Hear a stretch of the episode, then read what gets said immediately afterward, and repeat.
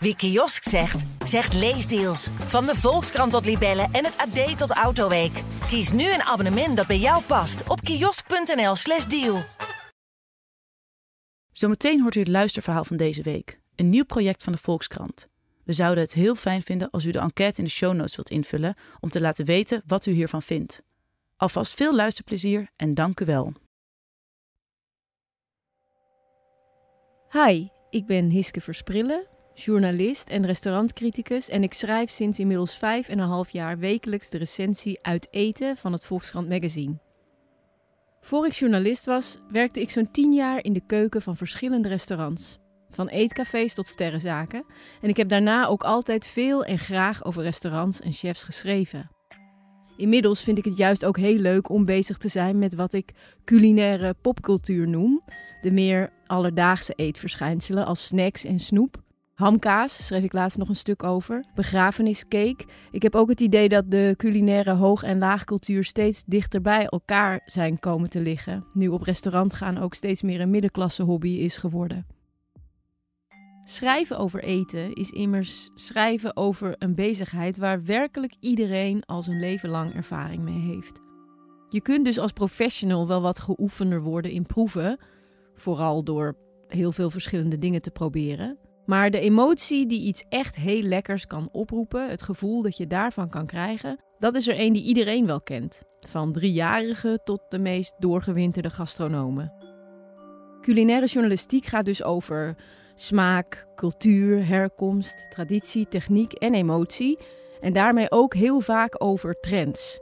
Wordt 2024 het jaar van de pepersteek of van de zelfgemaakte tempeh?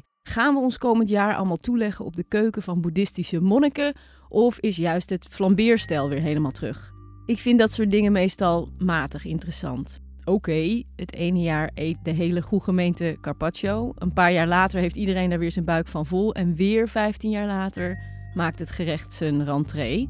Mark my words, 2024, jaar van de carpaccio. Maar ja, nou en? Nieuwe trends blijven toch altijd een beetje zoiets als het weer. Er valt in grote lijnen vaak wel iets over te zeggen, maar alsnog word je regelmatig overvallen door het feit dat je er totaal niet op bent gekleed. Achter de kleine, jaarlijkse of zelfs maandelijks wisselende trends wat betreft eten en drinken, zijn echter ook grotere bewegingen te ontwaren die weliswaar langzamer gaan, maar ook veel invloedrijker zijn. Kijk maar eens naar een kookboek van 40 of 50 jaar geleden. De opmaak- en ingrediëntenlijsten van gerechten zien er bijna buitenaards uit. Heel onappetijtelijk. In het stuk dat u straks gaat luisteren geef ik mijn eigen favoriete voorbeeld van een ware eethype die voor ons nu totaal vreemd overkomt, namelijk die van de jello salad. Salades in gelatinepudding. In de gastronomische mode zijn al sinds het restaurant bestaat golven waar te nemen die steeds terugkeren. Of we eten van ver weg of van dichtbij chic vinden bijvoorbeeld. Hoe staan we tegenover de mensen die ons eten hebben gemaakt? Worden boeren verheerlijkt of verguisd? Zijn chefs rouwdouwige arbeiders die je het beste achter dikke muren wegstopt? Of een soort rocksterren die je juist in open keukens midden in de zaak wil neerzetten? En wat betekent het dat jonge, hoogopgeleide stedelingen ineens allemaal dwepen met wildplukken, inmaken, moestuinieren en andere eerder ronduit armoeig geachte activiteiten? Daar wilde ik al een tijdje over schrijven. Het is een wijd uitwaaierend stuk geworden en het gaat van het succes van het Deense restaurant Noma, dat dit jaar 20 jaar bestaat en volgend jaar de deuren sluit, tot het showboerderijtje van Marie-Antoinette met geparfumeerde schapen en de uitvinding van het concept restaurant. Dus dit is mijn stuk, Denkbeelden in gelei. Wat gastronomie vertelt over hoe we de wereld zien. Voorgelezen door Marianna van Reden. Ik weet nog dat ik voor het eerst hoorde over Noma, het uberlokale Deense restaurant dat meermaals werd uitgeroepen tot beste van de wereld. Ik was 23, stond in de keuken van restaurant Het Brouwerskolkje in Overveen en drukte met een injectiespuit parmezaanbouillon in een bak calciumoplossing. Door een polymeerbindmiddel, alginaat genaamd, steef de vloeistof op tot lange slierte transparante kagelei die ik opviste met een zeef. We serveerden die met spekschuim uit een slagroomspuit in een gerecht dat gereconstrueerde spaghetti carbonara heette. Ernaast virtuele ganzenlever, die aan tafel in vloeibare stikstof werd bevroren. De gasten vonden dat geweldig, omdat er stoom uit hun neusgaten kwam als ze het aten. Het was 2006. Het brouwerskolkje had net zijn eerste Michelinster gekregen en de haute cuisine bevond zich in de hoogtijdagen van de moleculaire gastronomie. Koken met een hoogtechnologische, natuurwetenschappelijke benadering. Veel conceptuele geintjes met vorm en associatie en allerlei nieuwe technieken uit de voedselindustrie. De stroming werd beroemd door restaurants als El Bulli in Spanje en de Fat Duck in Engeland. Die zaak zit in Kopenhagen, zei mijn chef.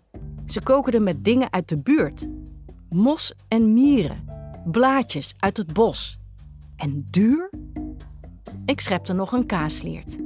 Dat klinkt eerlijk gezegd belachelijk stom, zei ik. En in Denemarken? Wie wil daar nou heen? Veranderingen in mode gaan zo geleidelijk dat het zowat onmogelijk is hun invloed te zien terwijl je er middenin zit. Twintig jaar later kijk je terug en vraag je je af waarom je toch van die vreemde dingen aan het eten was en zulke lelijke puntschoenen aan had. Wat voor mensen eetbaar en oneetbaar is, is grotendeels genetisch bepaald. Maar veranderende smaakvoorkeuren, daar ligt een weerwar van maatschappelijke, culturele, ethische en technologische verschuivingen aan ten grondslag. De geschiedenis leert dat de bovenklasse doorgaans zijn neus ophaalt voor de als plat, grof, goedkoop, primitief of juist gecorrumpeerd beschreven voorkeuren van het plebs. Maar wat die meer verfijnde, meer ontwikkelde, meer exclusieve, meer avontuurlijke en meer pure smaak dan is, dat verandert voortdurend aan de hand van wat er beschikbaar is en voor wie. Wat past bij hoe we de wereld en onszelf op dat moment zien en hoe daarover wordt gepraat. Neem om even bij die bindmiddelen te blijven, bijvoorbeeld het fantastisch rare verschijnsel van de Jello salad, dat zo'n 100 jaar geleden opdook in de Verenigde Staten. Jello with milk for baby's brunch. Jello with cream for a light, bright lunch. Jello with ice cream. Hey, you'll flip. Anytime, any season, for any rhyme or any reason. It's the dreamy with creamy, soft to chew, good for you. Aparte tomaat, schijven komkommer, geraspte wortel, olijven, soepstengels en blokjes kaas. Gewichtloos zwevend in grote drillpuddingen. Met de blik van nu ziet zoiets er ronduit bespottelijk uit. Maar destijds was het een spectaculaire uitvinding. Om allerlei redenen. Op de eerste plaats een technische. Tot diep in de 19e eeuw waren koks die een heldere gelei wilden maken aangewezen op collageen uit botten en kraakbeen. Met puddingdesserts werd een kalfspoot meegekookt, die dan op het juiste moment weer moest worden verwijderd, zodat het dessert opsteef zonder al te zeer te smaken naar, nou ja, een kalfspoot. De uitvinding van de gezuiverde, smaak- en kleurloze gelatine maakte dit soort gerechten ineens voor de thuiskok bereikbaar. Daarna kwam de uitvinding van de elektrische koelkast, een statussymbool. En het feit dat informele dineetjes, bijvoorbeeld met een buffet, in zwang waren geraakt bij mensen uit de snel groeiende middenklasse in de suburbs, die zich graag profileerden als opwaarts mobiel. Ook de dieetcultuur had met de komst van damestijdschriften een vlucht genomen, waardoor vrouwen een voorkeur kregen voor lichtere gerechten. Nieuwe grote merken als Knox en Jello brachten instant gelatine op de markt met nagelnieuwe chemische kleur- en smaakstoffen en presenteerden dat als het elegante, gemakkelijke damesvoedsel van de toekomst. Dainty food for dainty people. Gelei was ineens overal. Anderhalve eeuw eerder, in de broeierige decennia voor de Franse Revolutie, was uit vergelijkbare nieuwe verlangens van een stedelijke bovenklasse al een andere uitvinding gedaan: het restaurant zelf. Toevallig speelt ook in dat ontstaansverhaal collageen een belangrijke rol. Net als heden ten dagen was het drinken van gelatineuze vlees- en bottenbouillons een trend geworden onder fitte stedelingen. Je zou er een sterker gestel, glanzend haar en een stralende huid van krijgen.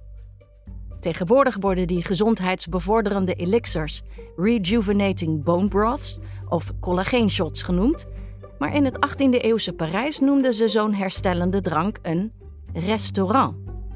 En net als bij het café, immers Frans voor koffie, werd een gloednieuw type grootstedelijke horeca vernoemd naar wat je er kon krijgen.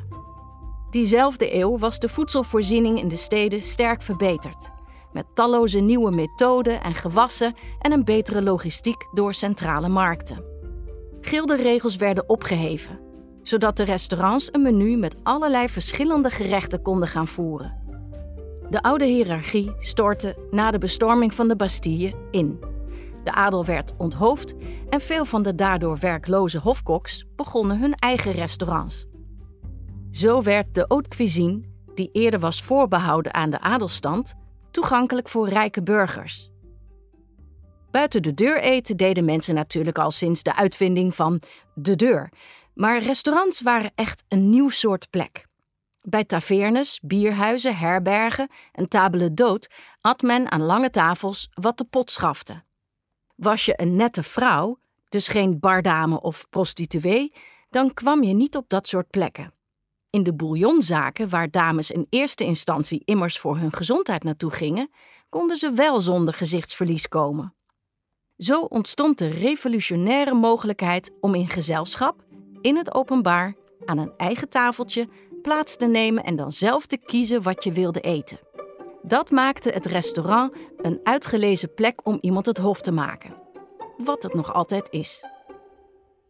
Er werd niet meer alleen gegeten, het eten werd beschreven en beoordeeld. Er werd over gepraat en men wilde zich erin ontwikkelen. De culinaire journalistiek nam een vlucht.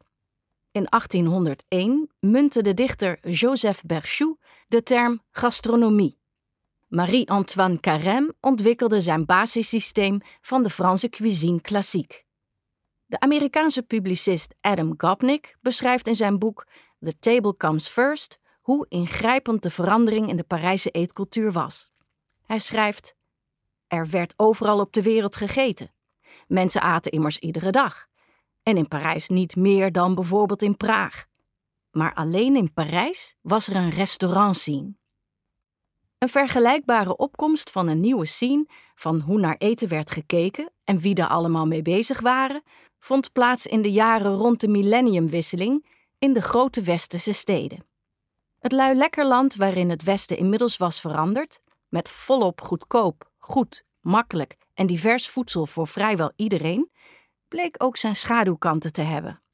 Welvaartsziekten waren aan een opmars bezig, net als berichten over milieuvervuiling en de beroerde behandeling van dieren en arbeiders.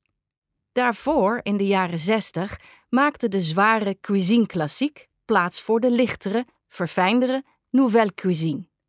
Ook kwamen de reform- en dierenrechtenbeweging op, waarbij mensen uit idealistische, politieke of gezondheidsredenen juist voedingsmiddelen uitsloten. Maar de hogere keuken en de hogere idealen lagen niet op hetzelfde bord. De gourmands van Michelin en Gaumillot en de macrobiotische idealisten en moestaniers hadden geen gedeeld verhaal. Kleinschalige, ambachtelijke producenten leken het in een razendsnel geglobaliseerd voedselsysteem allemaal af te leggen tegen industriële reuzen. Een ongezond gemaksvoer van wereldwijde ketens verdrong authentieke lokale gebruiken. Eind jaren 80 was in Italië de slow food beweging opgericht. Om oude gewassen en traditionele voedselbereidingen te conserveren door ze te blijven eten en promoten. Voedsel is een cultuurgoed, was de boodschap, en moest op die manier gewaardeerd en beschermd worden. Het was een opmaat naar de jaren nul.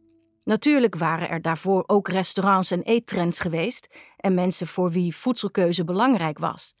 Maar in een onoverzichtelijke wereld bleek de boodschap dat alles kleinschaliger, lokaler, ambachtelijker en eerlijker moest, zowel de lekkerbekken als de idealisten aan te spreken. Wat lekkerder en exclusiever was, was immers ineens ook beter voor de wereld. Initiatieven die begonnen als een tegenculturele beweging, met weldadig punkklinkende initiatieven als Underground Boerenmarkt, Guerrilla Gardening en No Waste Diner, werden in de jaren na de financiële crisis van 2008 in een razend tempo mainstream. Ineens hingen volkstammen jonge hipsters met baarden, knotjes en tatoeages ondersteboven in de vlier en daslook. Ineens legden hoogopgeleide foodies zich toe op ambachten die eerder werden gezien als ver beneden hun stand, zoals broodbakken, bier brouwen en worst maken. In alle grote steden werden foodfestivals georganiseerd en openden duurzame en lokaal opererende nouveau-ruige middenklasse restaurants waar volop werd gefermenteerd en natuurwijn werd geschonken.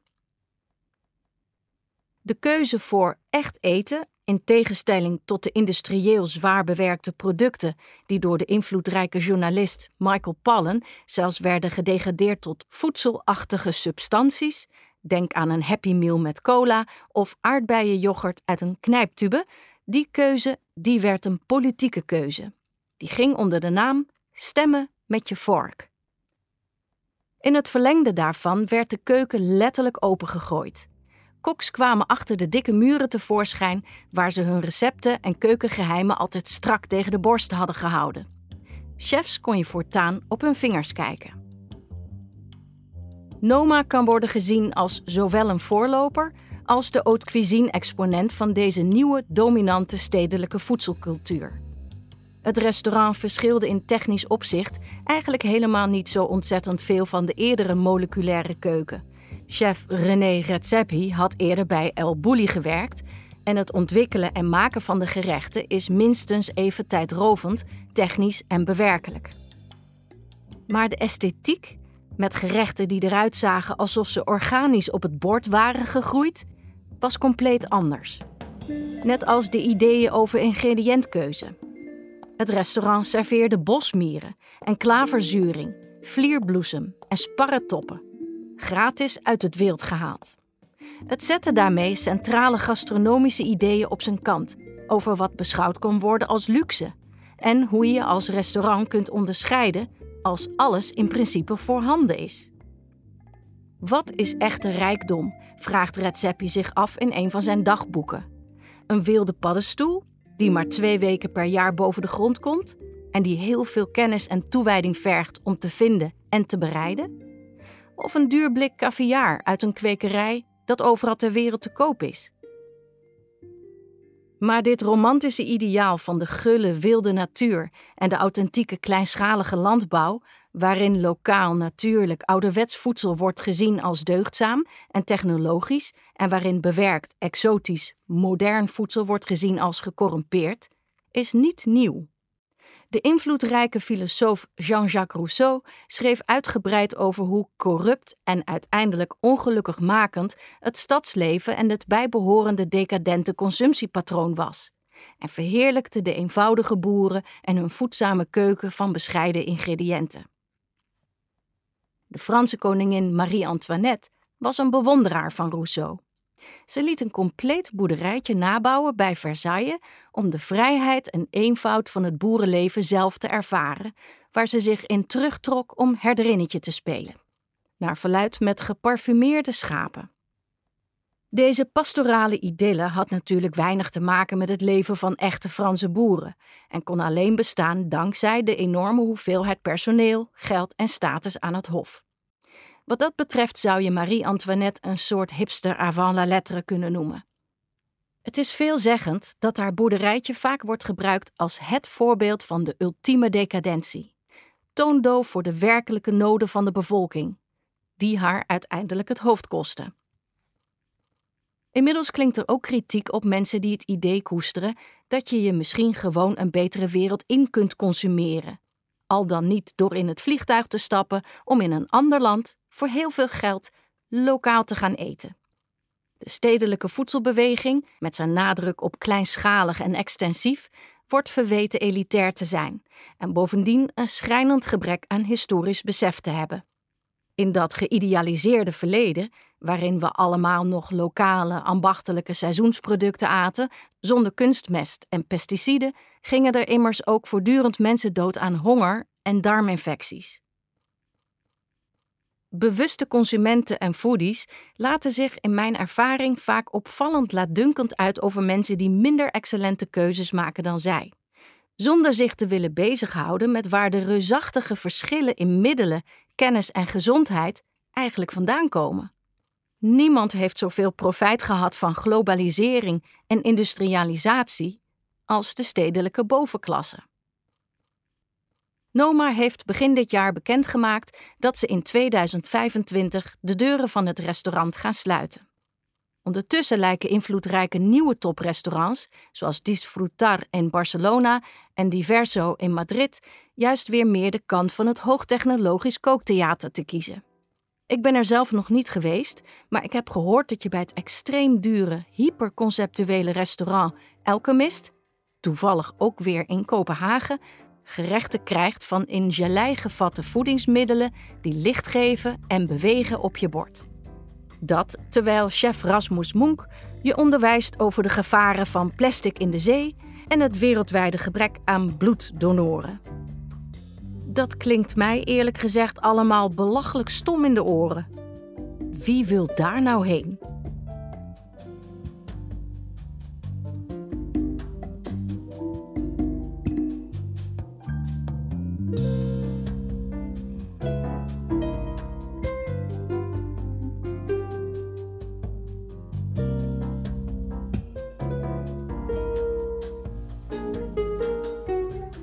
Dit was een voorgelezen verhaal van de Volkskrant, eerder gepubliceerd op 23 december 2023. De montage en het sounddesign werden gedaan door Mona de Brouwer in samenwerking met Tinium Audioboekproducties. De eindredactie die werd gedaan door Corine van Duin. Dankjewel voor het luisteren.